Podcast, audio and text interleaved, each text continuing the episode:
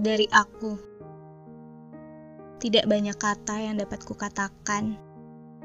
Tidak banyak waktu untuk merasakan nyaman. Masih saja diri ini tidak tahu mana arah dan tujuan. Ragu terhadap perasaan, bimbang dikala sendirian, bahkan tidak tahu bagaimana cara untuk mengungkapkan. Apakah akan ada yang berubah jika waktunya tepat?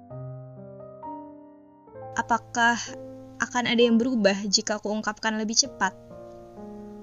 Atau memang lebih aman jika aku simpan saja rapat-rapat? Namun nyatanya kamu terlalu jauh. Sulit sekali untuk kudapat.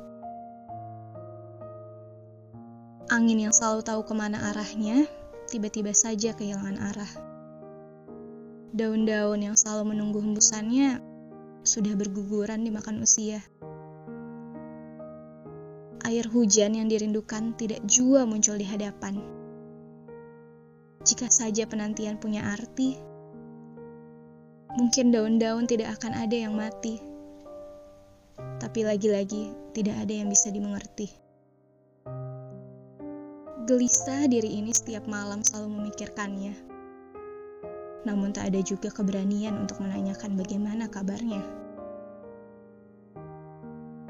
Lalu, apa yang harus kulakukan? Haruskah ku bersembunyi dalam keraguan yang tiada kepastian? Haruskah ku bertahan dalam kalutnya perasaan? Mengapa harus ada rasa rindu, padahal tidak mudah sembuh walaupun bertemu? Mengapa harus kamu orangnya? Kamu yang ada di antara miliaran manusia di dunia.